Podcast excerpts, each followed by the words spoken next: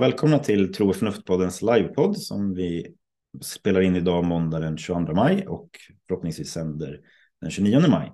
Det här är ett nytt upplägg som vi inte har testat förut, men det känns väldigt kul och jag hoppas att vi kan göra det fler gånger.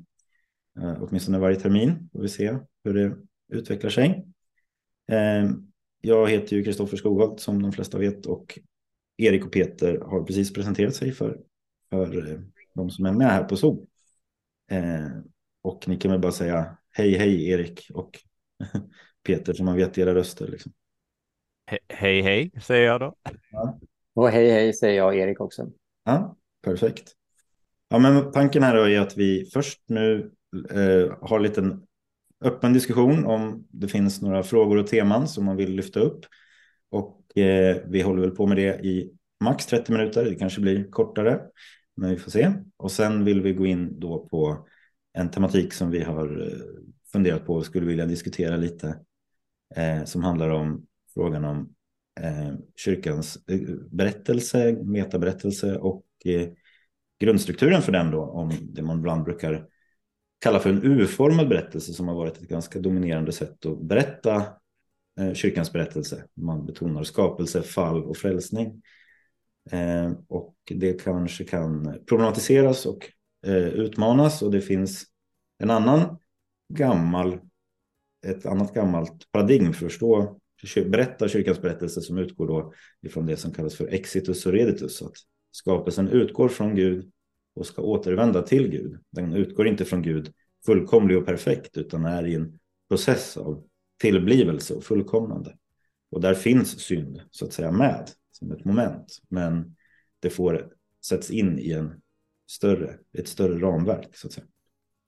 Eh, men vi återkommer till det då om, om en stund och så lämnar vi ordet fritt och eh, det är bra om man skriver då i chatten att jag har en fråga som jag vill ställa så kommer, så kom, kommer eh, Martin att fördela ordet.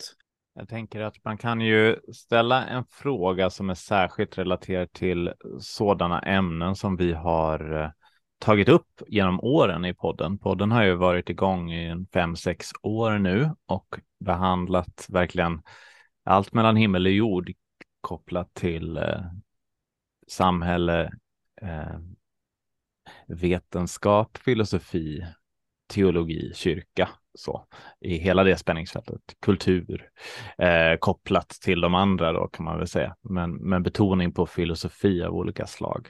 Och eh, ja, men och särskilt det spänningsfältet mellan de sakerna. Så att eh, eh mm. det, är det, det hela det fältet som det är liksom öppet golv för att resonera och göra inspel såväl som ställa frågor. Exakt. Absolut. Men nu har vi en fråga ser jag i chatten. Yes. Okej, okay. eh, dela på lappen. Eh, och eh, jag, hade, jag hade en väldigt övergripande fråga. Eh, jag har ju följt podden sedan den började 2016 kanske, tror jag. Mm. Eh, och, eh, och det var bara en väldigt övergripande fråga om huruvida eh, ni har märkt en skillnad i eh, intresse i tro och förnuft frågor. Eh, bara väldigt allmänt. Och också liksom om det finns en skillnad i eh, vilka frågor som är intressanta eller som bränner. För alltså man kan ändå märka i början där 2016 så var det mycket liksom naturalism och eh, skapelseteologi och så. Eh, Medan det, det, har ju blivit lite tyngre teologiska ämnen på, på sistone. Eh, och ni vet, så. Vad sa du? Du menar i podden alltså, eller? Ja, precis, i podden, i podden menar jag. Ah, ah. Eh, så ja, mm. dels liksom, finns det ja, finns en skillnad i, i allmänt intresse mm. i tro och förnuft och mm. eh, finns en skillnad i vilka frågor som har blivit intressanta eller som, som eh, för, oss, för oss kanske. Ja. Mm. Nej, men jag, jag eh, tänker kanske att eh, anledningen till att eller liksom, det blir väl naturligt för oss att söka sig lite olika ämnen och då och då kan det också bli att, som till exempel inkarnationsteologi blir en tematik och sådär. Men jag eh, har tänkt ibland på så här, vad, vad är det vi gör i podden egentligen? Så där. Och eh, ibland så tror jag i alla fall att vi, liksom i bästa fall då, så kan man hjälp, bidra till att hitta något slags mer intellektuellt eller filosofiskt språk för kristen tro eller liksom centrala. Och det är lite påfallande tycker jag att kyrkan inte alls i min upplevelse bidrar med det till vanliga troende. Och vanliga troende som går i kyrkan, de har ju ofta en utbildning på många, många år. Alltså, och vi lever i en ganska intellektuell kultur. Men det finns fortfarande en föreställning om att just tro ska vi ha en ganska ointellektuell förhållningssätt till. Vi ska ha väldigt lite metaspråk för tro. Um, eh, och sådär. Och eh, det blir ganska svårt när man får frågor om, alltså andra som inte har den tron, de, de kommer ställa frågor som kräver att du kan föra en reflektion på ett metaplan. Men det får du liksom inte i kyrkan naturligt i min, min upplevelse. Och eh, sådär. Och om jag ska sätta ett ord på, så att säga ge ett språk för vad det innebär att ha ett metaspråk, så, så, så tycker jag om distinktion som Bernard Lonergan har mellan det han kallar för common sense, som är ett sätt att prata. Vi säger att solen går upp, vi säger inte att jorden har roterat runt sin egen axel ett varv, utan vi säger att det solen har gått upp. Och sen theory, som är det mera en teknisk term då, för ett mer filosofiskt språk eller vetenskapligt språk. Och, så där. och jag tror att kyrk jag tror att det är ett större behov för vanliga kristna än vad man uppmärksammar. Liksom. Eh, men det, det var väl en fråga om vad som men, intresserar mig. Men, mm. jag, jag, jag tycker att det finns ett eh, skifte. Det kanske inte märks så mycket i podden på ett sätt. Där är det mest sändaren på. Eh, så det är jättekul att lys lyssna lite där också. Men jag tror under, säg de senaste tio åren som jag undervisat bland annat i sådana frågor som, ja, men som rör eh, vetenskap och tro och så. Låt säga att till för fem år sedan så var det här, jag minns inte exakt när det skedde, men eh, Dawkins var den stora grejen. Och han var en liksom, mm, ganska ikonisk, en, en, ganska central person i, i offentlig debatt också. Och den typen av personer. Sen hände någonting, kan det ha varit för ungefär fem år sedan, när Jordan Peterson kom. Jag fick, första gången jag hörde det namnet var från mina studenter. Och det vände nästan alltid ihop. Så att nu måste man nästan introducera vissa unga studenter till att det har funnits den här typen av kritik. Medan de kommer liksom och har det här väldigt positiva ingången till fråga om religion, tro eh, och, och, teologi. Jag kan titta på gamla föreläsningar som jag liksom måste göra om för att den utgår från den premissen att eh, liksom, Dawkins är, är en tongivande. Men, och det kanske vi inte har hunnit med riktigt alltid i hur man lägger upp undervisningen. Men det är ett skifte i alla fall inom det fältet som kanske i och för sig tror podden kom alldeles i början, men som har, kanske har varit ett skifte och som kanske återspeglas i... Du pratade om att i början var det mycket naturalism liksom och sånt där.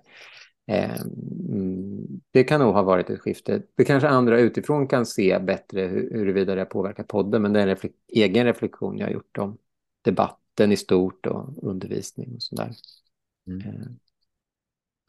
Ja, jag tycker mig också se den rörelsen. Alltså, jag minns om man tittar på ett annat ställe som typ Reddit till exempel så är det ju, det finns såklart eh, Reddit-ateister än idag som är väldigt stora Dawkins-fans och sådär. Men det, det, märks ju att väldigt många um, på väldigt många håll så finns det en helt annan um, det är mycket mindre defaultläge att utgå från naturalism och ateism i, i, även långt utanför kyrkans kretsar idag. Sen så kan man ju fråga sig om det då är ett filosofiskt genomtänkt eh, Eh, Eh, metafysiskt bygge som man istället vill ha. Det är inte så att man nödvändigtvis nu, det betyder, jag tycker, tänker att det betyder inte nödvändigtvis att man har fått ihop, vad ska vi säga, den, eh, den värld som innefattar Gud med den värld vi kan mäta, väga. Eh, det är inte nödvändigtvis att, man har, att människor i allmänhet har hittat i högre grad till hur man får ihop, vad ska vi säga, tro och förnuft. Men det är väl snarare att jag tror att den här eh, överlägsenheten som den, den eh, hegemonin som, som Dawkins och company hade över så att säga, det intellektuella spelfältet är liksom på något sätt försvann det. Och det är säkert, Jordan Peterson har säkert spelat en, en del i det och sen så har det varit många, just i internetkretsen så är det ju så att folk började inse att det, det är något väldigt osympatiskt i den i tonen på, från många av de här, att man, att man un, helt enkelt underkänner en grundläggande dimension av den mänskliga tillvaron eh, och att det får, ja, att det är något som rimmar fel med det liksom. Mm. Mm. Jag håller med, man behöver inte ha fått ihop det på, på det sättet, men skiftet är väl huruvida presumtioner eller religion är om det är någonting eh, så negativt eller om det är någonting värdefullt. Och där var det kanske ett, ett skifte att presumtionen sen gick över till att man uppfattar det inte som ett hot utan här fanns det ju massvis av material och eh, liksom berättelser och, och, saker som är värdefulla som vi kan, eh, kan ta av snarare än att det här är någonting som drar ner världen i, i olycka och, eh, och bedrövelse. Liksom. Mm.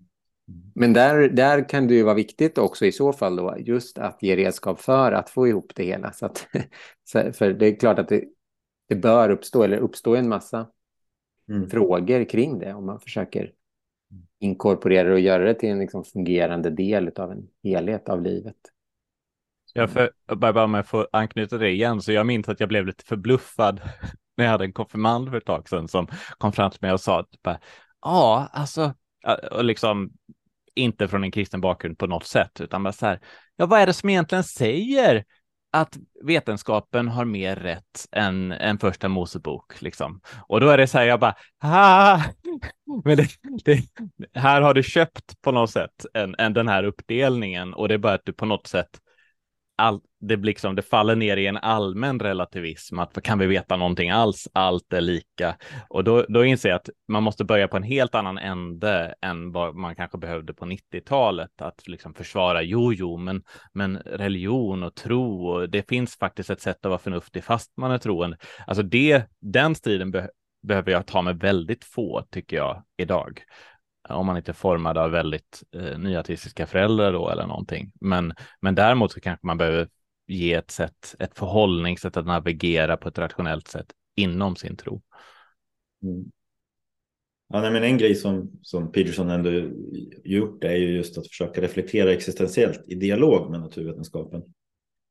Eh, det vill säga att inte sätta dem helt i olika sfärer utan han försöker göra någon slags existentiell läsning av av den värld som vetenskapen beskriver. Det tycker jag är ett intressant, så här, någonting som är lite nytt eller vad man ska säga. Att man, jag kan se fler och fler från min begränsade horisont, så att säga, men som är intresserade av naturvetenskap men har ett existentiellt förhållningssätt till tillvaron och där deras förståelse av naturvetenskapen spelar en roll i det. Liksom. Att det inte blir Eh, och där tror jag att kyrkan också behöver så att säga bidra med en, en kristen teologisk hermeneutik så att säga då, av, av naturvetenskapen. Men det blir inte riktigt på det sättet vetenskapen eh, står emot liksom, alltså den här tanken att Gud inte skulle kunna kunna skapa genom naturliga processer som, som liksom är Dawkins utgångspunkt. Så att säga. Att det, konkurrerande. Men det är fortfarande en fråga om hur, hur, läser, man, hur läser man den här världen som naturvetenskapen beskriver. Och jag tänker mig att Peterson och andra eh, talar till ett behov där. Liksom.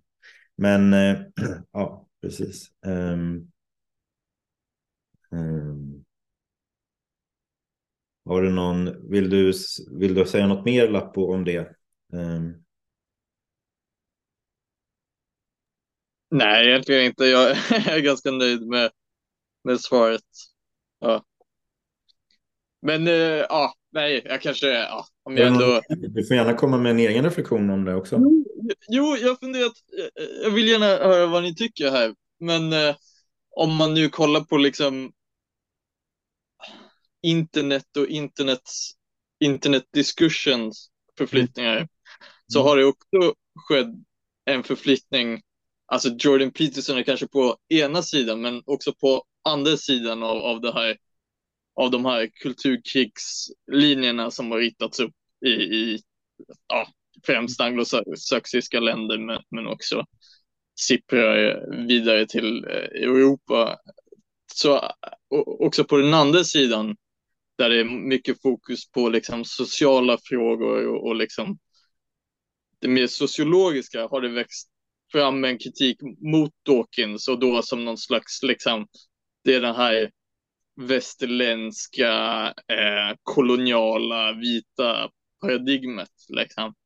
Eh, så jag tror det där också liksom så här, folk jag gick i skolan med liksom plötsligt blev mycket fientliga mot den, den sortens liksom mm. eh, nyateistiska diskursen och liksom så här, ja, Sam Harris till exempel, så det är väldigt stark liksom anti-islamisk mm. retorik där liksom och, och det där man har blivit mycket känsligare för det där som också har inneburit tror jag en förflyttning från tidigare positioner liksom, till, till ett nytt läge, tror jag. Mm. Det är intressant eh, att det är två håll, det har jag inte tänkt på förut. Men det... Mm. Mm. Ja, men precis. Och det, mm. det finns väl... Eh, nej, precis. Det, det, fin, det, finns ju de som menar att liksom, The God Illusion kom ju 2006, men det var ju inte så mm. att Dawkins inte var en väldigt stark religionskritiker innan dess, men en del har ändå kopplat nyateismen till 11 september. Mm. Och då blir ju såklart den här liksom, frågan om Dawkins inställning till islam kan man ju så att säga tematisera på, eller liksom kan man ju analysera från flera håll där. Så att säga. Men det, jag håller med om att det finns någon slags politisk kritik av, av Dawkins som kanske inte fanns på, på liksom början av eh, nyateismens liksom, mm. Uh, uh, men det är ju någon slags... Vi har, vi har funderat på att läsa den här Jonathan Haidt, uh, eller hur man nu exakt uttalar han, en psykolog som skriver ganska mycket om polariseringen i USA och psykologiska mekanismer bakom polariseringen och sådär. Um, så det hade varit intressant. Det är ju lite in i kulturkrigsfrågorna. Liksom. The Righteous Mind. Jonathan Haidt tror jag man brukar säga. Ja, inte hate. ja, men han försöker, det, jag tycker det, ja, det ska, vore spännande. Den, den tar ju upp liksom det här hur i det fallet liksom personlighetsskillnader i liksom var, var man har sina värderingar, virtues of the right, virtues of the left, liksom var man um, mm. att ha sin grund i olika um, mm. ja, olika värderingar helt enkelt. Jo. Ännu en psykolog vill jag bara anmärka. Just det.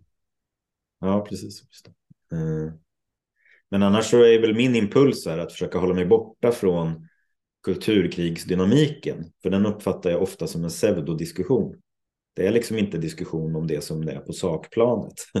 Utan det är andra processer som pågår. Och liksom, därför tycker jag i och för sig att Jonathan Haidt har ett bra, eller, eh, angreppssätt. För han går liksom inte in riktigt i sakfrågan utan analyserar varför hamnar vi i det här läget, i det här sättet att prata. Liksom.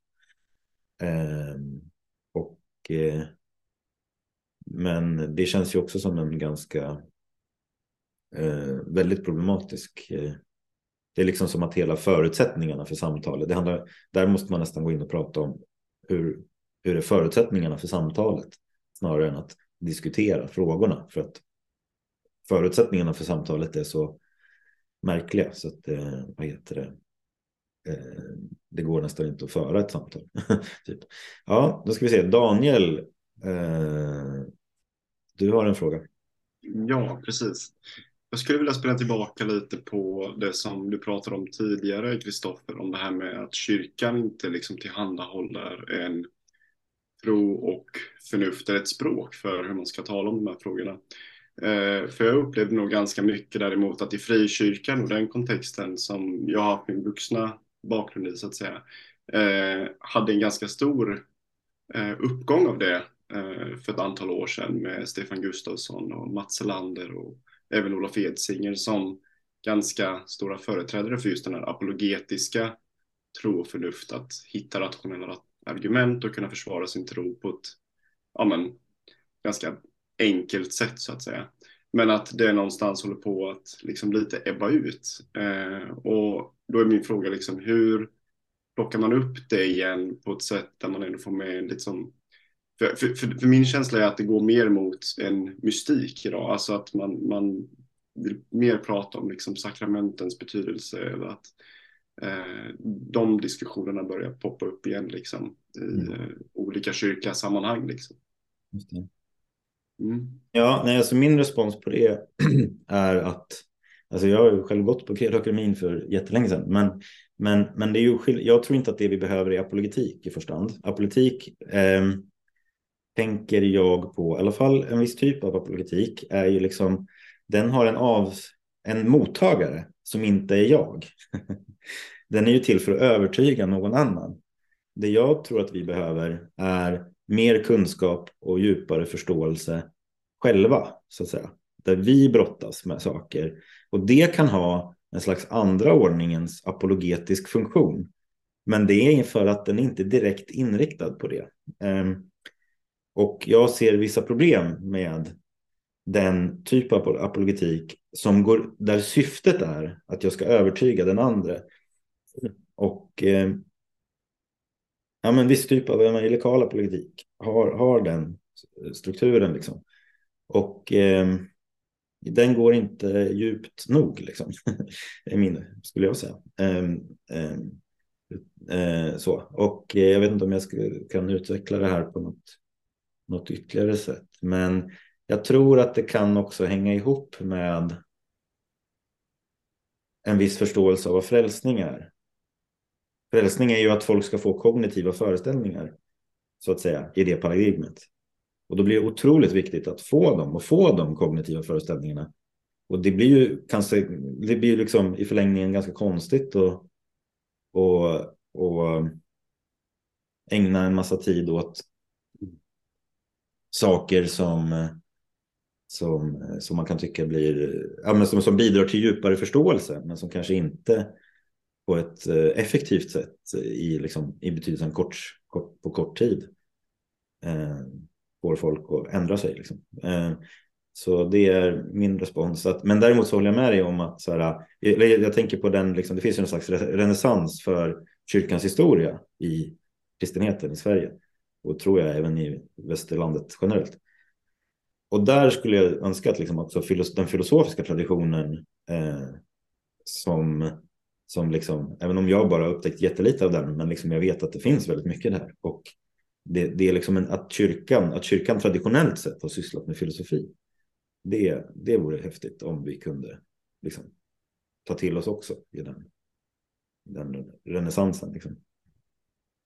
Ja, jag kan bara fylla i det Kristoffer sa, för att apologetik kommer från apologia och det är liksom ett, ett försvar, ett försvarstal för den kristna tron, det vill säga att försöka ge liksom svar på tal, men det förutsätter att det är så att det är någon annan som har ställt en fråga, som Kristoffer sa, än att jag själv ställer frågor, att jag själv får verktyg för att för att någonstans hamnar du i en debatt och allt du ska göra är att vinna debatten, då är det ju liksom, då sitter du och tänker ut hmm, vad kan människor få för, eh, för, för ha för motargument mot det, det evangelium jag förkunnar då i det här fallet. Eh, jo, men det är säkert det här, det här, det här. Då behöver jag hitta smarta svar på det som övertygar rent retoriskt. Men att övertyga någon retoriskt är ju någonting annat än att faktiskt själv vara övertygad om det man säger. Eh, det är så att säga mer ett hantverk nästan. Sen säger jag inte att det finns mycket apologetik som såklart går till grunden med filosofi liksom och det, det säger jag ingenting om, men det finns någonting i själva kanske särskilt sättet som man då traderar detta vidare till vanlig kyrka. Att det är så här, det är mer ett recept på om folk ställer jobbiga frågor till dig. Det viktiga är kanske att kyrkan, som Kristoffer var inne på, liksom hjälper människor att i din egen bearbetning så finns det liksom svar, inte bara på en viss avgränsad mängd trosfrågor, utan även hur du får ihop hela detta trossystem med resten av din tillvaro som en tänkande människa. Och det mm. tänker jag är vad vi saknar ibland.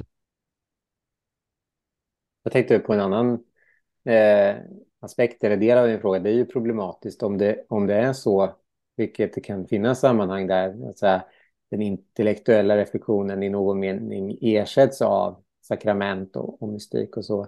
Eh, för min egen del kan jag säga, jag kommer från en, från liksom en icke-kristen uppväxt och de kristna sammanhang som jag attraherades av var just där de här två får förenas så att säga. Där de just inte, inte tränger ut. Så om, om, om man tycker att det är för, för lite intellektuell reflektion om man, om man tar din, din, din efterfrågan på det sättet eh, så tänker jag just att man eh, i alla fall inte ska sätta det emot mystika eller det sakramentala då, eh, men, men ändå då försöka verka för det där.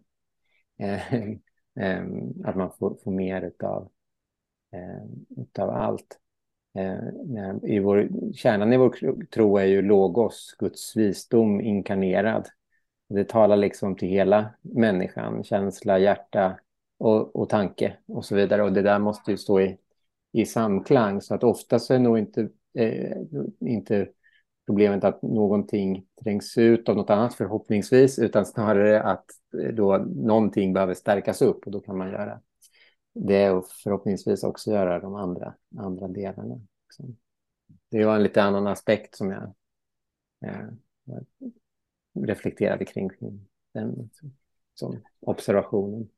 Jag kan inte låta bli här att äh, försöka få in Karl äh, Statin i det här, för eh, apropå då, då liksom saker i tiden så jag, för jag, jag instämmer i att det finns en, en, en fördjupat intresse för kyrkans djupa tradition och kyrkans mystika tradition i samtiden. Um, och eh, Karl här gör ju en podd om eh, bland andra eh, och jag har fått gästa den podden också om just kristen mystik.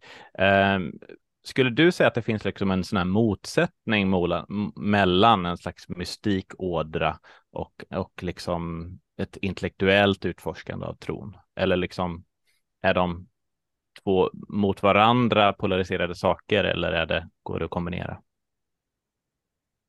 Nej, jag uppfattar att det inte finns någon motsättning. Alltså, um, det mystika liksom eh, uh, traditionen har ju ibland lite grann haft uh, pedagogiker som byggt på att man släpper taget om logiska uh, delar av människans psyke som, har, som liksom ägnar sig åt logik eller som är förnuftig och sådär. Um, men det är just en metodik, liksom, det är en pedagogik. Det är liksom inte en underkännande av de funktionerna i psyket som sådant. Uh, utan målsättningen är ju liksom att uh, göra en poäng av att kyrkan har ibland kanske överbetonat eh, det logiska, det förnuftiga. Man har byggt eh, liksom en sorts ganska stor teologisk tradition som har liksom det som sin, en viktig liksom ingrediens. Och då har man lite grann velat säga det finns viktiga, det finns andra liksom aspekter utav troslivet som behöver få spelrum. Eh, bönen som äger rum i hjärtat. Eh, att längta efter Gud. Liksom, att ha ett kärleksförhållande med Gud. Eh, att liksom nå fram till liksom, sådana aspekter av liksom, troserfarenheten. Och för att göra det så kan det behövas då, har traditionen gjort ofta, att man avstått från att eh, ägna sig åt huvudsakligen eh, logiska, förnuftmässiga resonemang. Sen så kommer det tillbaka ofta. Så det är inte liksom, det är ingen dikotomi, utan en pedagogik. Jag tänk, förlåt. Uh, jag, jag kanske kan ställa en liten fråga där också. Uh, jag tror att det för min egen del var så att när jag väl fick en så att säga, kritisk blick på, på liksom erfarenheten i bön till exempel. Då, då kände jag att då måste jag så att säga reflektera mera över på en slags världsbildsnivå. Så att säga. Sen säger jag inte, och det, det upplevde jag som ganska jobbigt och inte som någonting som eh, liksom så här, eh, vad ska man säga, jag hade nog tyckt det varit bättre att inte behöva göra det liksom, på ett personligt plan. Så att säga. Men, men för min egen del så tror jag att eh, liksom en del av varför det blir angeläget att fundera över de här frågorna om tro och förnuft och sådär har att göra med att jag tror att det verkar som att jag är en sån person som behöver på något sätt hitta ett sätt att begripliggöra den religiösa erfarenheten för att jag inte ska vara så sårbar mot invändningen att det här bara är psykologi så att säga. Ehm, men jag, i grunden håller jag ju med dig också om att det finns någonting liksom i, i den, den andliga erfarenheten som precis som, äh, som, som, som liksom, liksom har, en annan upp, har en annan uppmärksamhet kanske, eller en annan öppenhet än, än liksom det analytiska tänkandet. Så att säga. Det, det håller jag med om. Men samtidigt lever vi i en kultur som förmedlar en världsbild där det är ganska svårt att begripliggöra vad religiös erfarenhet är. Och där kanske det är så att det behövs liksom, det är inte så att det nödvändigtvis ska ägna dig åt det just när du, när du ber, så att säga. Men kyrkan och de, de kyrkan skulle behöva så att säga också kunna förmedla till sina troende en bild av världen där den religiösa erfarenheten är en, framstår som en möjlighet, så att säga. Bara, bara en liten boll. Ehm, jag, jag har ju liksom en sån här grunduppfattning att eh, relationen till Gud egentligen inte... Eh, den, den blir tydligare ofta om man jämför med relationen till människor eller skapelsen av naturen och sådär. Jag tänker på mig själv och min liksom, sju månader dotter som döptes igår. Och eh, jag noterar att vi har ju inget förnuftsmässigt liksom, resonemang som vi för alls. Utan vi har bara rent kärleks... Det är, bara, det är liksom, det är liksom sån här... Eh, relation, det relationella är på ett helt annat plan.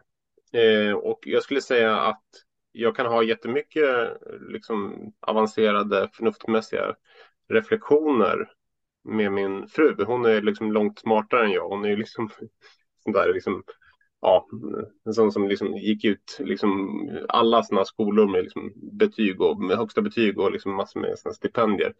Men eh, jag, de bästa stunderna, det är ju stunderna när vi är kanske tysta, liksom delar en stund av förundran liksom i, när man är ute i fjällvandrare eller någonting annat. En solnedgång. Eh, och jag tänker liksom att eh, det, vore, det skulle verkligen förminska.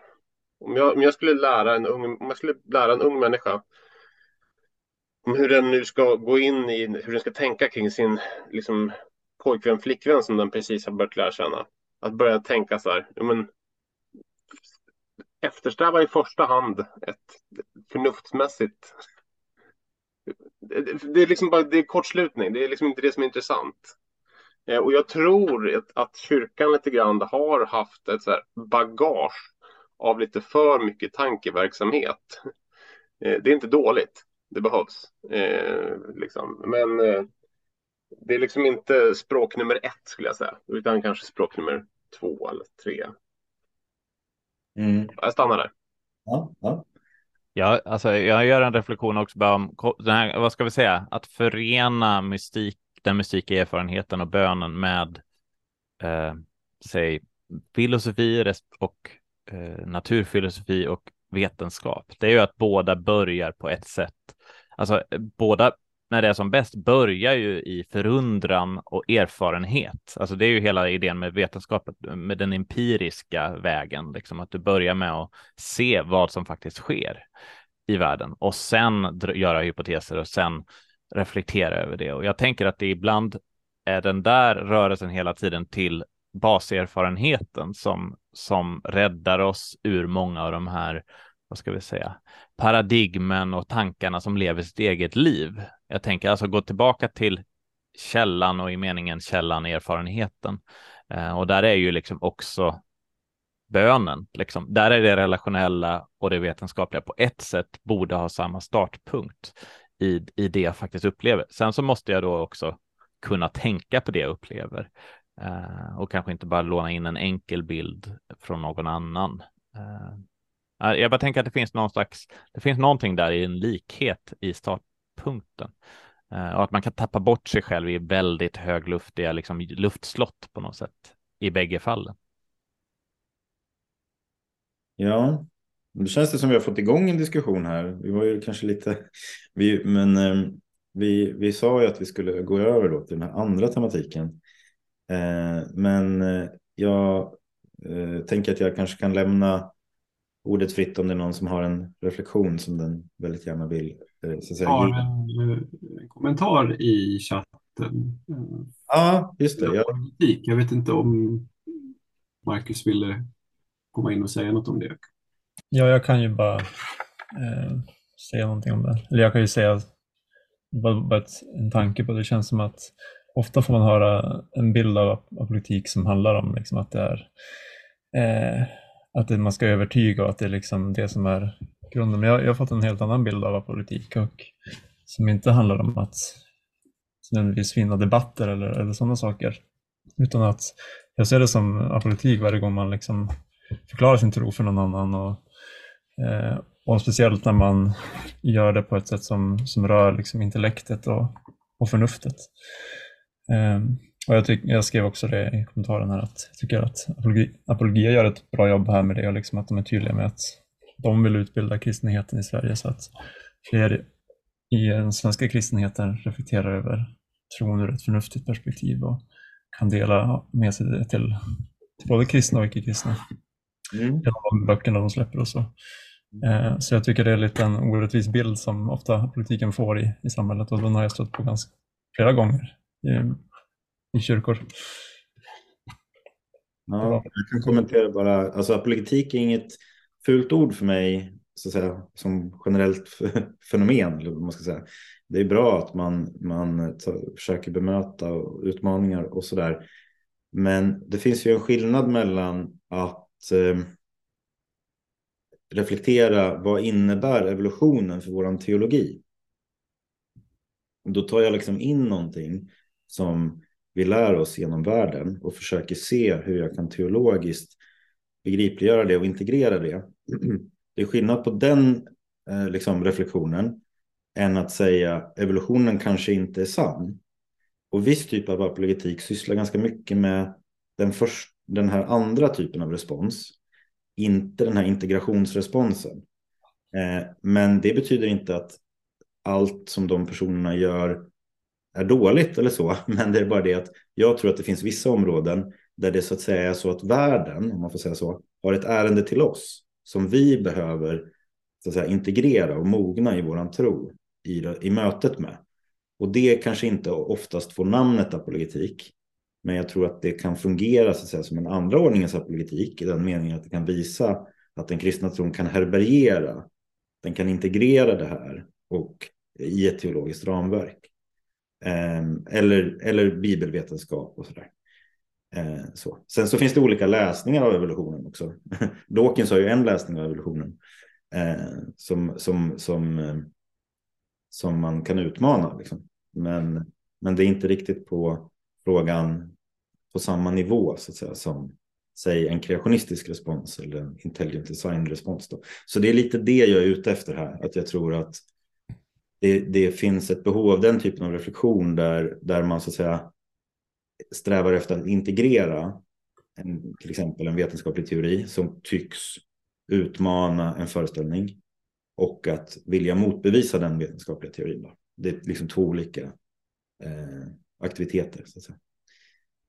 Um, så ja, det, var in, det, är inte så att jag anser att apologetik är dåligt, men däremot så anser jag att det är olika rörelser och jag upplever att jag kan ta som exempel första gången jag var i söndagsskolan med min dotter så var temat skapelsen. Och vi lä då läste söndagsskolläraren eh, Genesis 1 och så var det några av de äldre barnen som sa men det var ju inte så där, det var ju Big Bang. Och så sa lite sådana saker några gånger. Och till slut så svarade då söndagsskolläraren att det var en ung tjej och liksom sa att ja, men ni vet att i, i kyrkan så tror, eller i skolan så tror man inte på Gud, men vill ändå ha någon teori om hur det var, så de har hittat på det där med Big Bang. Och eh, ja, det var liksom, det är ett problem när vi har den typen av responser så att säga till, till väletablerade vetenskapliga teorier. Men... jag uppfattar det inte som att apolitiken sysslar med, med sånt. Liksom, alltså att man är liksom evolutionsförnekande eller någonting. Om man kollar på typ William Lane Craig eller någon, så de är väldigt evolutionsvänliga i den bemärkelsen. Åtminstone en, liksom en, att jorden är gammal. Och så så jag, jag kan inte alls eh, känna igen den bilden av, av eh, Ja, men när jag gick på, vi, vi ska kanske gå vidare, jag, jag, kan bara ge en kort respons. När jag gick på Kredakademin så läste vi William Dembski och Philip Johnson som är intelligent design-förespråkare. Och eh, det blev liksom ett av en del av budskapet var att vi kanske inte behöver ta evolutionen så att säga till oss. Då. Och där fick jag själv läsa andra typer av författare som John Polkinghorn och, och så där som försöker att integrera, eller Dennis Alexander som, som har en grundläggande liksom, vetenskapsbejakande hållning och försöker reflektera hur kan vi teologiskt integrera det vetenskapen säger. Sen gillar jag, jag har ju läst eh, Craigs bok om den historiska Adam, så där, där, där, men han, han kallar ju sig själv ibland för progressiv kreationist. Eh, det är i alla fall så han har sagt fram tills ganska nyligen. Men, eh, men, eh, men vi kanske inte är helt överens där. Men eh, det var bra att du sa din kommentar och så kanske det bidrog till, till samtalet och reflektionen. Eh, så bra. Tack. Vad säger ni då? Är det kanske läge att gå över då på den här andra tematiken? Eller vad? Det, det tror jag. Det faller ganska, ganska naturligt på det vi har pratat om nyss. Mm. Mm. Eh, just det, ja nej men precis. Och då eh, kan jag introducera det och så kan du Peter och Erik, eh, ni kan liksom komplettera liksom beskrivningen här. Då. Så i grunden är liksom frågan att eh, det finns ett sätt att berätta kyrkans berättelse som ibland beskrivs som att det är en urformad berättelse eller världen blir så att säga dramat i världen är urformat. Skapelsen får vara mer eller mindre perfekt. Sen sker ett fall, så dalen i uet och sen har vi frälsningen då som blir den andra eh, höjdpunkten där på, på, på uet. Och eh, det finns några problem med det sättet att berätta den kristna berättelsen. Ett problem är att det är svårt att få ihop med ett evolutionärt paradigm, med en evolutionär världsbild eh, på flera olika sätt. Världen verkar liksom vara tillkommen i en process som successivt blir mer komplex och som världen blir mer komplex och får mer och mer egenskaper, medvetande och liv och sånt här. Det fanns ju inte från början utan det växer fram och det växer fram. Eh, så att det, det verkar lite svårt att få ihop där och eh, även ibland kombineras det här med en ganska stark juridisk förståelse av frälsning. Att frälsning framförallt handlar så att säga om att hantera en skuld och ett straff då. Och eh, den, eh, ja precis, där har vi liksom också en, eh, en problematik och det här alternativa paradigmet som, som finns i kyrkans historia då, som, vi, som, som jag inte kan jätteväl, men som, som, som, som vi har läst lite om inför det här. Vi har läst en artikel om det här och Peter kan mer om det och Karl tror jag också. Kanske Erik också. Eh, men det kallas för exitus och reditus och det tanken är det att världen utgår från Gud inte fullkomlig, utan i en process och ska så att säga, fullkomnas och återföras till Gud. Och frälsning här är ju föreningen med Gud. Så att världen skapas med en dynamisk riktning och människan har en dynamisk riktning, en längtan efter Gud. En längtan efter det fullkomligt goda och den fullkomliga sanningen. Vi har en nyfikenhet på världen och tillvaron som båda de här sakerna liksom orienterar oss mot Gud. Och då istället för att tänka att världen och Gud är i grunden antagonistiskt relaterade så är de så att säga gjorda, eller världen är gjord för att förenas med Gud. Och det är mer då som en del helhetsrelation så att säga, än en, än en antagonistisk relation.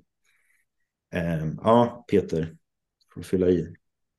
Ja, precis. Där har du gav du en liten eh, miniversion av ungefär det som vi har pratat om att prata om så att säga. Men, men alltså, ehm, ett annat problem med den urformade traditionella, som ju framförallt i västkyrkan har varit extremt dominerande och kanske framförallt i protestantisk kristenhet, som är, den är, det är att den dels juridisk, eh, forensisk, eh, det vill säga att det är skuld och förlåtelse som är den he hela bilden på vad frälsning är eh, och, och liksom för att där, där man talar om en, en skuld som på något sätt kom in kronologiskt i historien.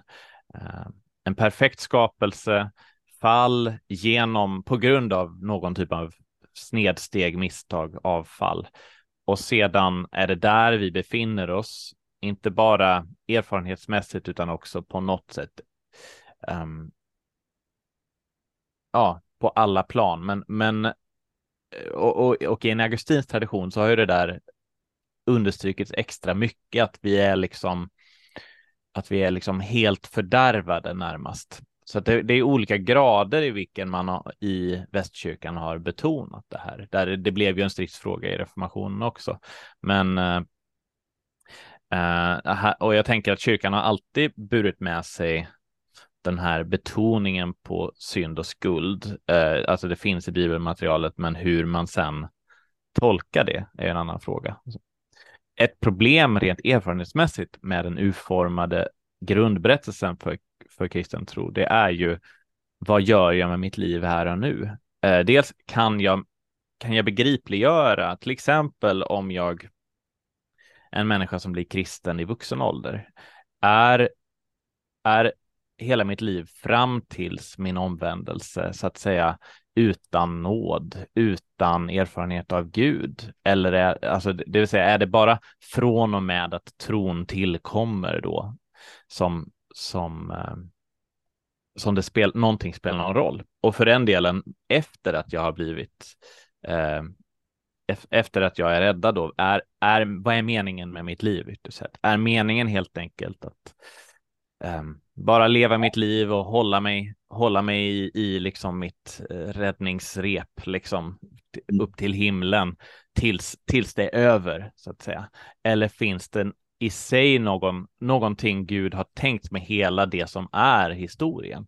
Hela det som är tillvaron som skapad varelse, var vi än är i vårt, i, i vårt liv och i, hur stark vår tro är och hur, liksom, var i historien vi är.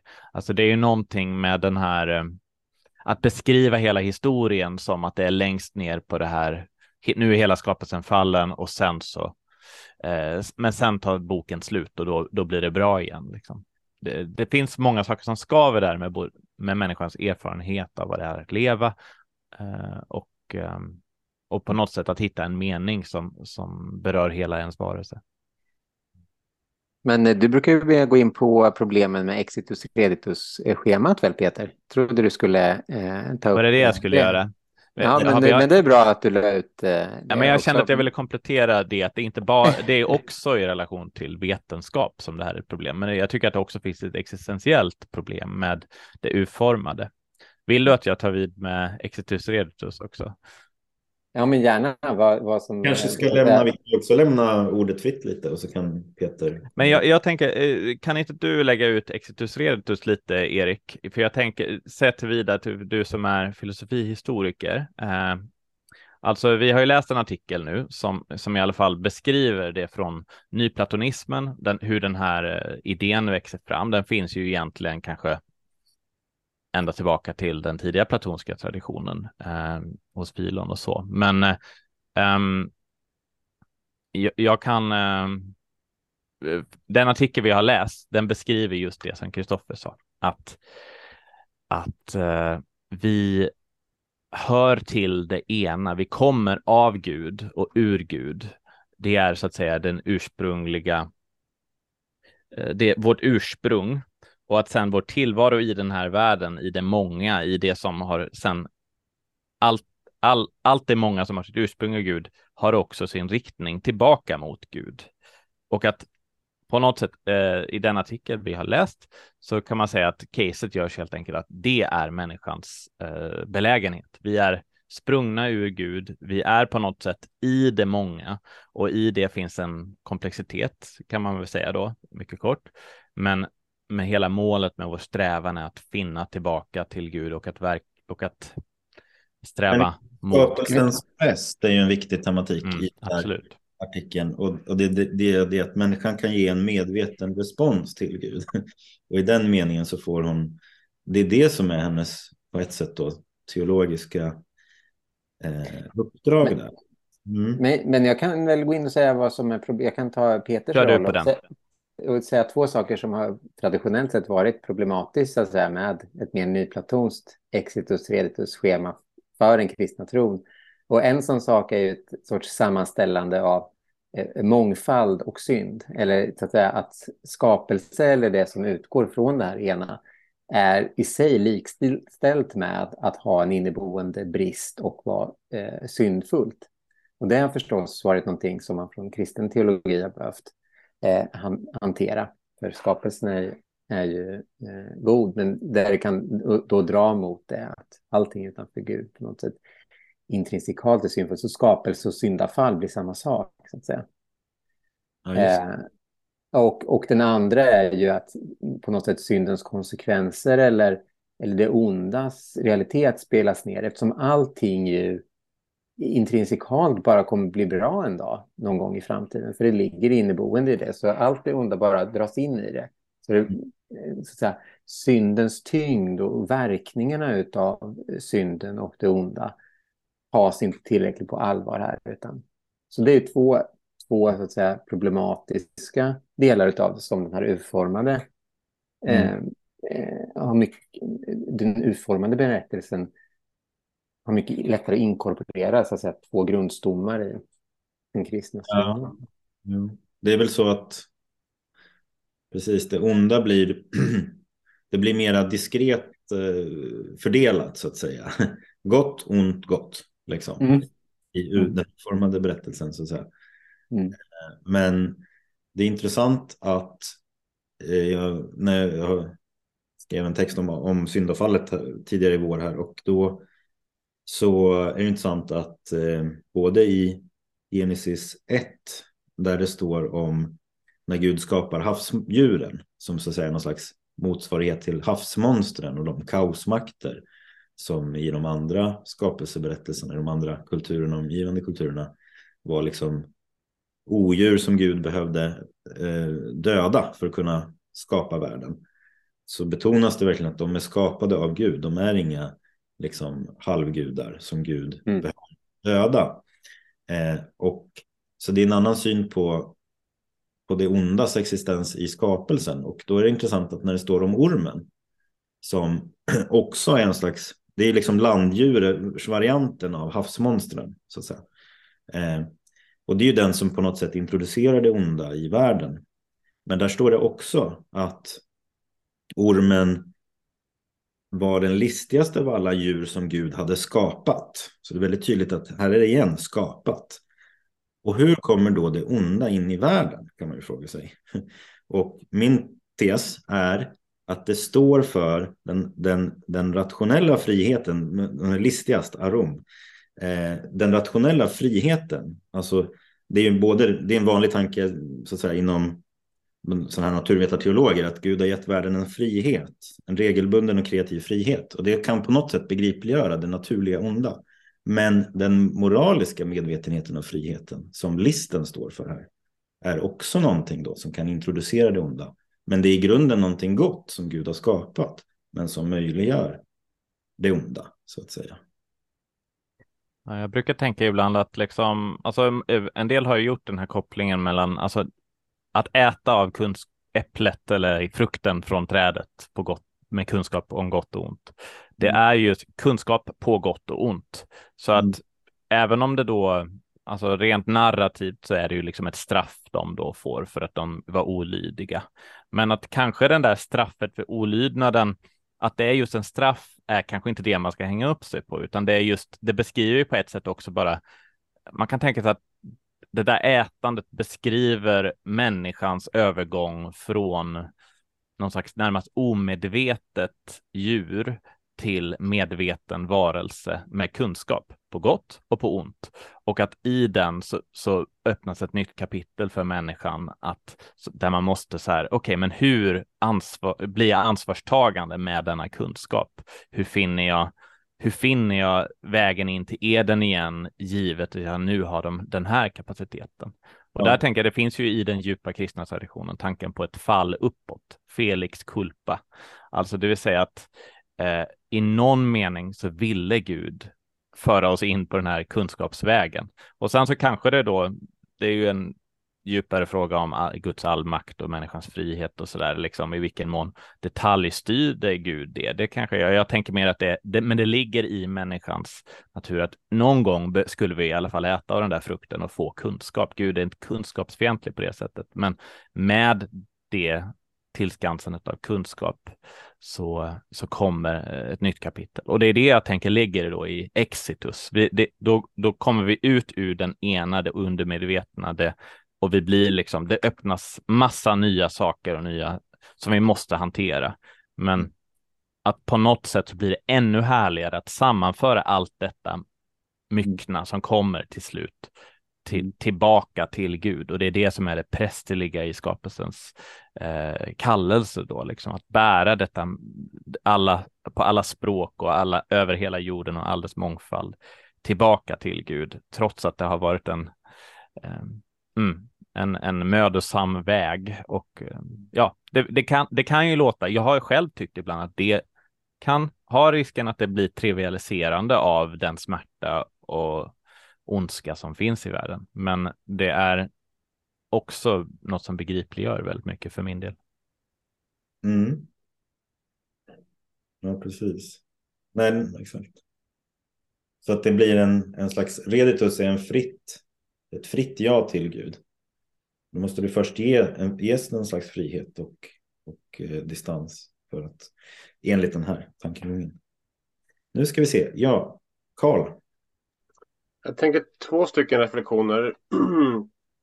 Jag har ju ett tag nu hållit på och um, um, försökt vara med och återpopularisera den här uh, i lutherska sammanhang uh, högintressanta boken eh, En ädel liten bok, Teologia Germanica. En mystikklassiker, men eh, Meister Eckhart Lärjunge skriven på 1300-talet som eh, Martin Luther tar, plockar upp och drar slutsatsen att det här är liksom, han tycker att det, är, det här är precis det Wittenberg-teologer försöker säga, okej-stämplar den, sen försvinner den i liksom glömskans land. Det finns en del intressanta teman i den där. Dels så har den liksom inget forensiskt beskrivande utav eh, eh, den här skapelse, syndafall, återlösning eller frälsning. Eh, men det, det, finns ett annat spår också som är intressant. Och det är just det här med, med kunskap. Där, där liksom kunskapen har att göra med två stycken olika ögon. Det finns liksom två sätt att se tillvaron. Det ena sättet att se tillvaron det är att se mängden. Det är ett öga. Vi har ett öga som ser mängden. Sen finns det ett annat öga som ser det ena. Eh, och bokens poäng är liksom att vi behöver ta och eh, vänja oss åter vid det här gudomliga ögat. För det, liksom, det störs, eller snarare uppmärksamheten, eh, möjligheten att lägga uppmärksamheten på det Eh, Eh, störs av det här andra ögat som är så oerhört aktivt och måste vara aktivt kanske på ett sätt för att kunna överleva på världen som den blev. Eh, men det, liksom, övningen i boken som föreslås det är liksom att stäng ditt jordiska öga, det som har det förnuft, det som har din jaguppfattning, det som drar en gräns mellan dig och Gud, eh, det som drar en gräns mellan oss människor det som liksom är ja, logiskt tänkande, kunskapens träd. Stäng det ögat, hitta tillbaka till det andra, andra ögat. När det väl är gjort, använd kunskapens trädögat.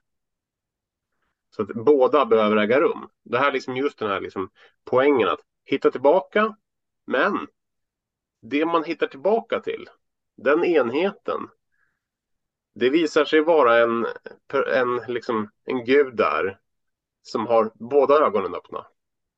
Eh, så liksom Guds liksom direkta inbjudan det är öppna andra ögat. Eh, du, du, du stängde det för att hitta mig. Nu måste du öppna det igen.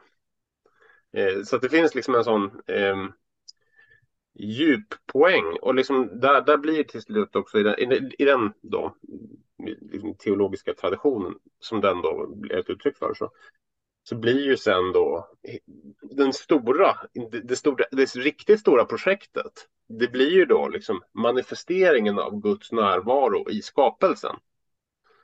Eh, så det är inte liksom återvändandet som är det intressanta. Utan det är utflödet till slut. Ehm, det är liksom inte... Eh, ja, så det, det, det, är liksom, det, det, blir perspektivet och det handlar om olika steg i en process. Eh, det, det är liksom den ena reflektionen som jag, som jag gör. att liksom det, eh, det, det finns en sorts, så att säga, ehm, man kan tänka att liksom, till slut så är det faktiskt menar, Gud förändras inte, Gud är. Men det finns massor med andra saker som förändras hela tiden och det är ju jätteintressant. Ehm,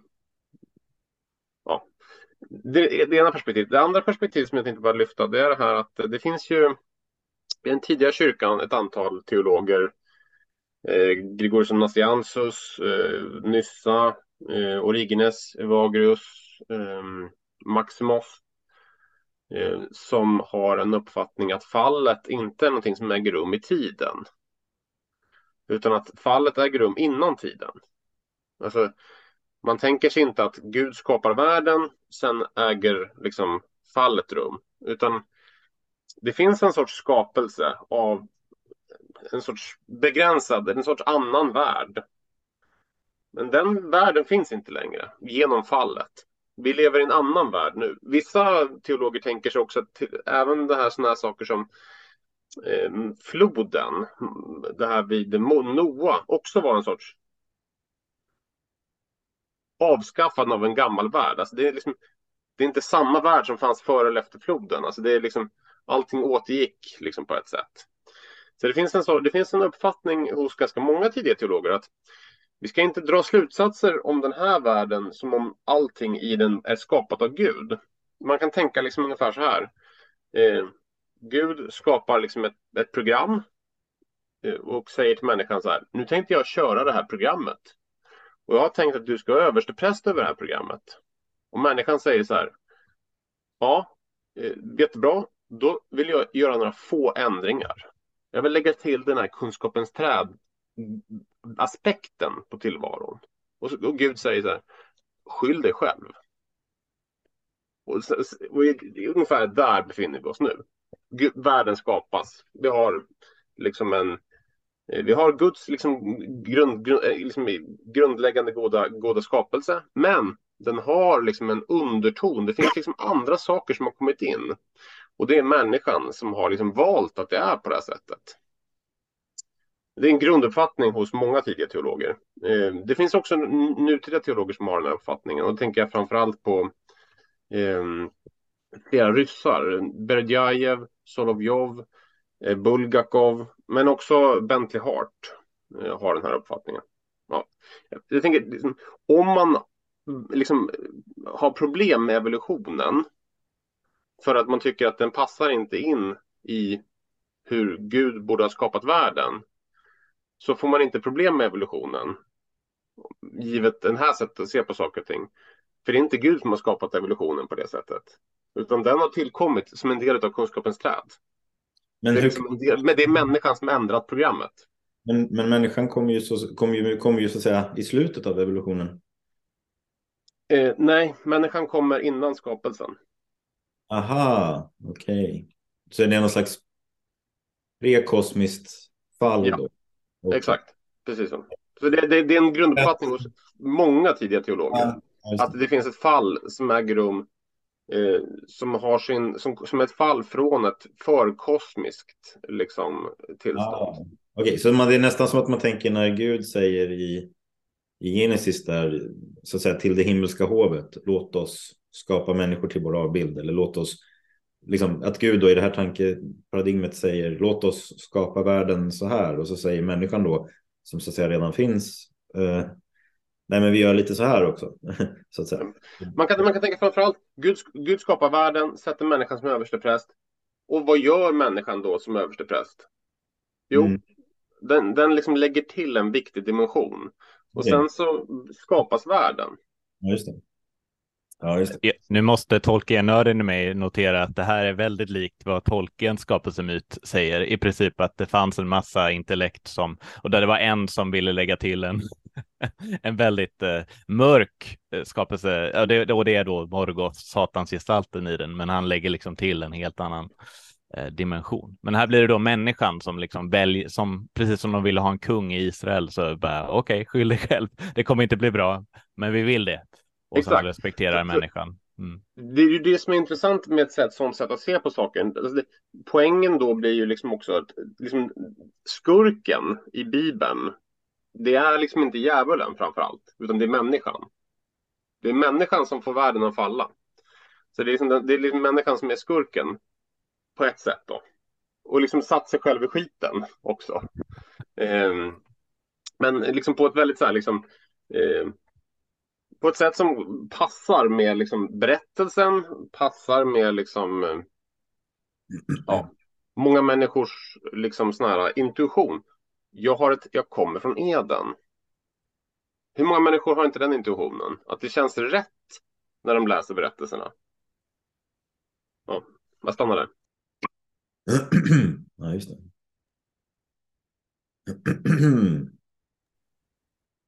Ja, det finns många saker man skulle kunna eh, dra i där, men eh, eh, ja, min egen så att säga, hållning där då är liksom mera som naturvetarteologen pratar ibland om att det finns en fallenness without a fall. Därför att om Gud skapar världen med en inbyggd frihet för att den ska kunna eh, ja, realisera sin egen kapacitet så, och Gud inte detaljstyr vad som händer så öppnas det för att saker och ting kommer inte bli exakt så som Gud eh, så att säga positivt vill utan så, som Gud tillåter. Och då får det så att säga en dimension i världen som du kan beskriva som en fallenhet i termer av en avvikelse från Guds eh, liksom ideala plan. Men det är inte på grund av eh, vad heter det?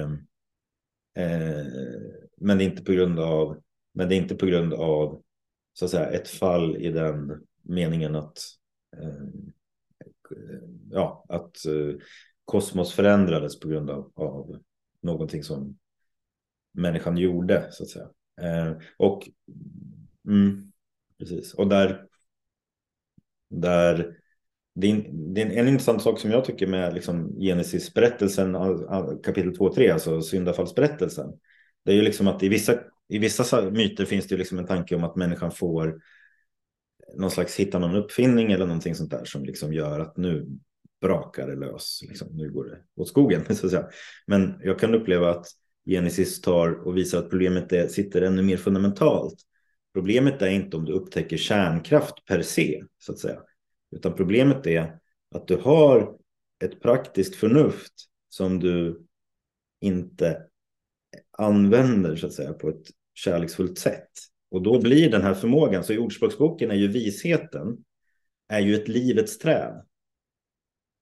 Och kunskap och det ordet som används om, eh, om eh, vad heter det, den här kunskapen då som människan ska få, den, den används, pratas väldigt mycket i positiva liksom, termer om i Ordspråksboken.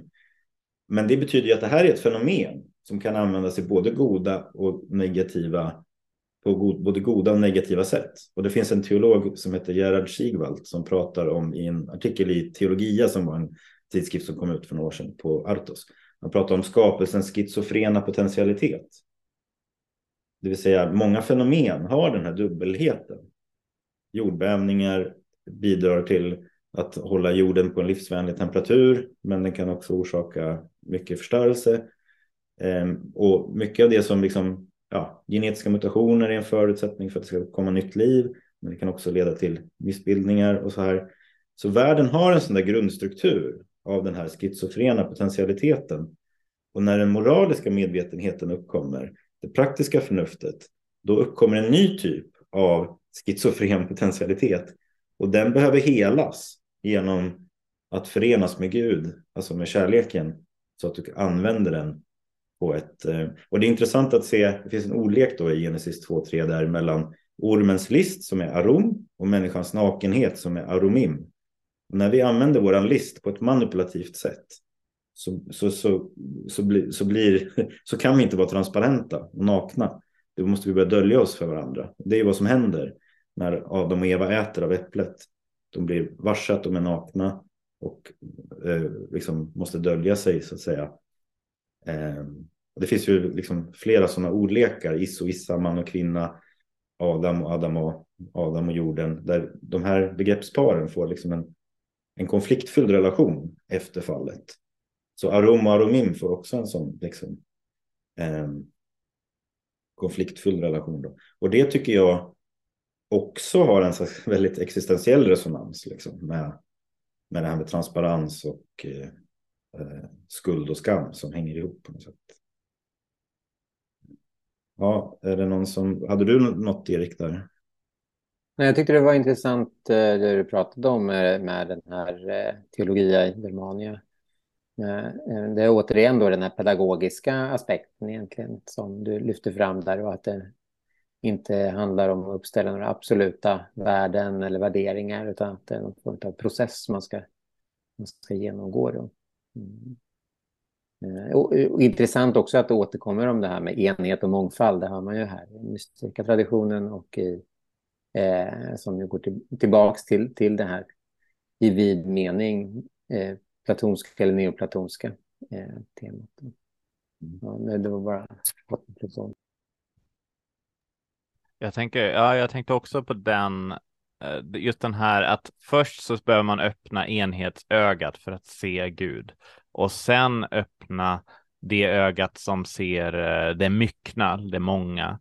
Och i, i det tänker jag att det ligger ju en kallelse där. Det är ju också på något sätt um, man kan tala om procession and return eller exitus reditus. Uh, hur säger man det på svenska? Utgång och återgång? Eller jag, jag har inget bra. Men i alla fall i den meningen så finns det ju då, man kan tala på kosmisk nivå om en exitus från Gud och en återvändande till Gud. Eh, som, som att det är det som är hela skapelsens kallelse, alltså gång från, från skapelse till eh, återlösning. Och sen kan man tala om, en, i den meningen kan man ju tala om det någonsin slutar här. Gregorius av Nyssa talar ju om det, att det är skapelsens eviga växande in i Gud och i den meningen så är det många kommer fortsätta att komma närmare och närmare Gud i all evighet på något sätt. Men, men då, eh, apropå den här bilden med de två ögonen, så kan man ju säga att för, för oss då, som, för den som har, eh, som, vi föds ju på ett sätt erfarenhetsmässigt in i en fallenhet då, eh, oavsett vad, hur man förklarar den känslan, men att vi är, vi är på något sätt förfrämligade från det ena, från Gud.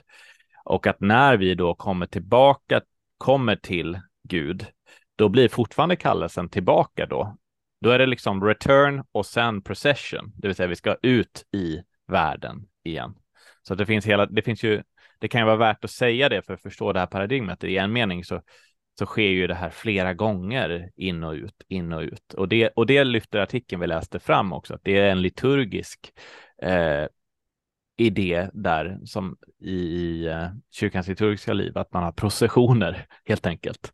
Eh, processioner in i kyrkan i början, ut ur det allra heligaste, ut bland folket, in igen och att det går fram och tillbaka. Så. Det är ännu tydligare i den ortodoxa världen där man kommer ut ur det allra heliga, bakom, infrån ut ur altardelen och ut bland folket och sen in igen. Och, och på ett sätt att då det, hela människans kallelse som präst är att röra sig så här hela tiden.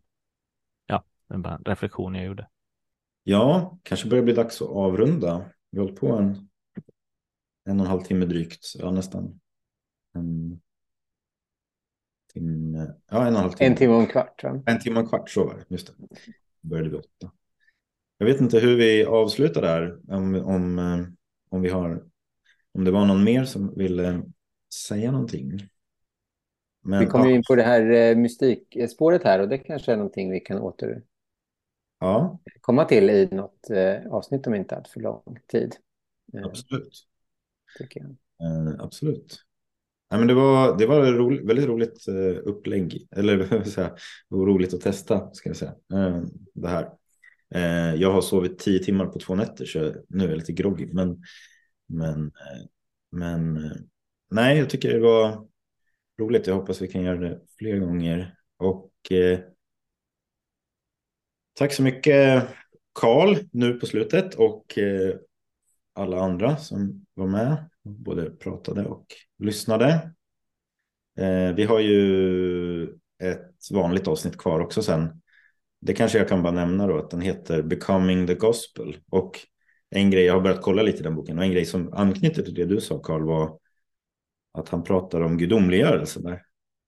Men att gudomliggörelse och liksom Guds mission, alltså Guds rörelse ut ur sig själv.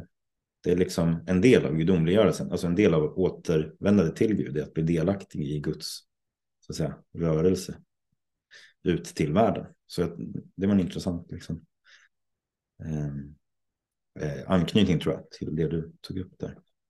Eh, men eh, precis, och lyssna in Karls podd också, eh, Den fördolda världen.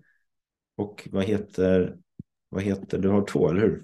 Ja, precis. Det andra är egentligen inte så mycket av ett samtal, utan det är liksom mest ett långt föredrag på fem timmar, uppdelat i 12, 12 stycken avsnitt. Hjärtats bön heter den. Ja. handlar om eh, liksom, tidig eh, kyrklig metodpraktik, eh, alltså mystikpraktik, hjärtats bön. Då. Ja. Just det. Men då gör vi så här att vi avslutar inspelningen nu och sen får man ju hänga kvar om man vill det. Men vi säger tack för nu i alla fall.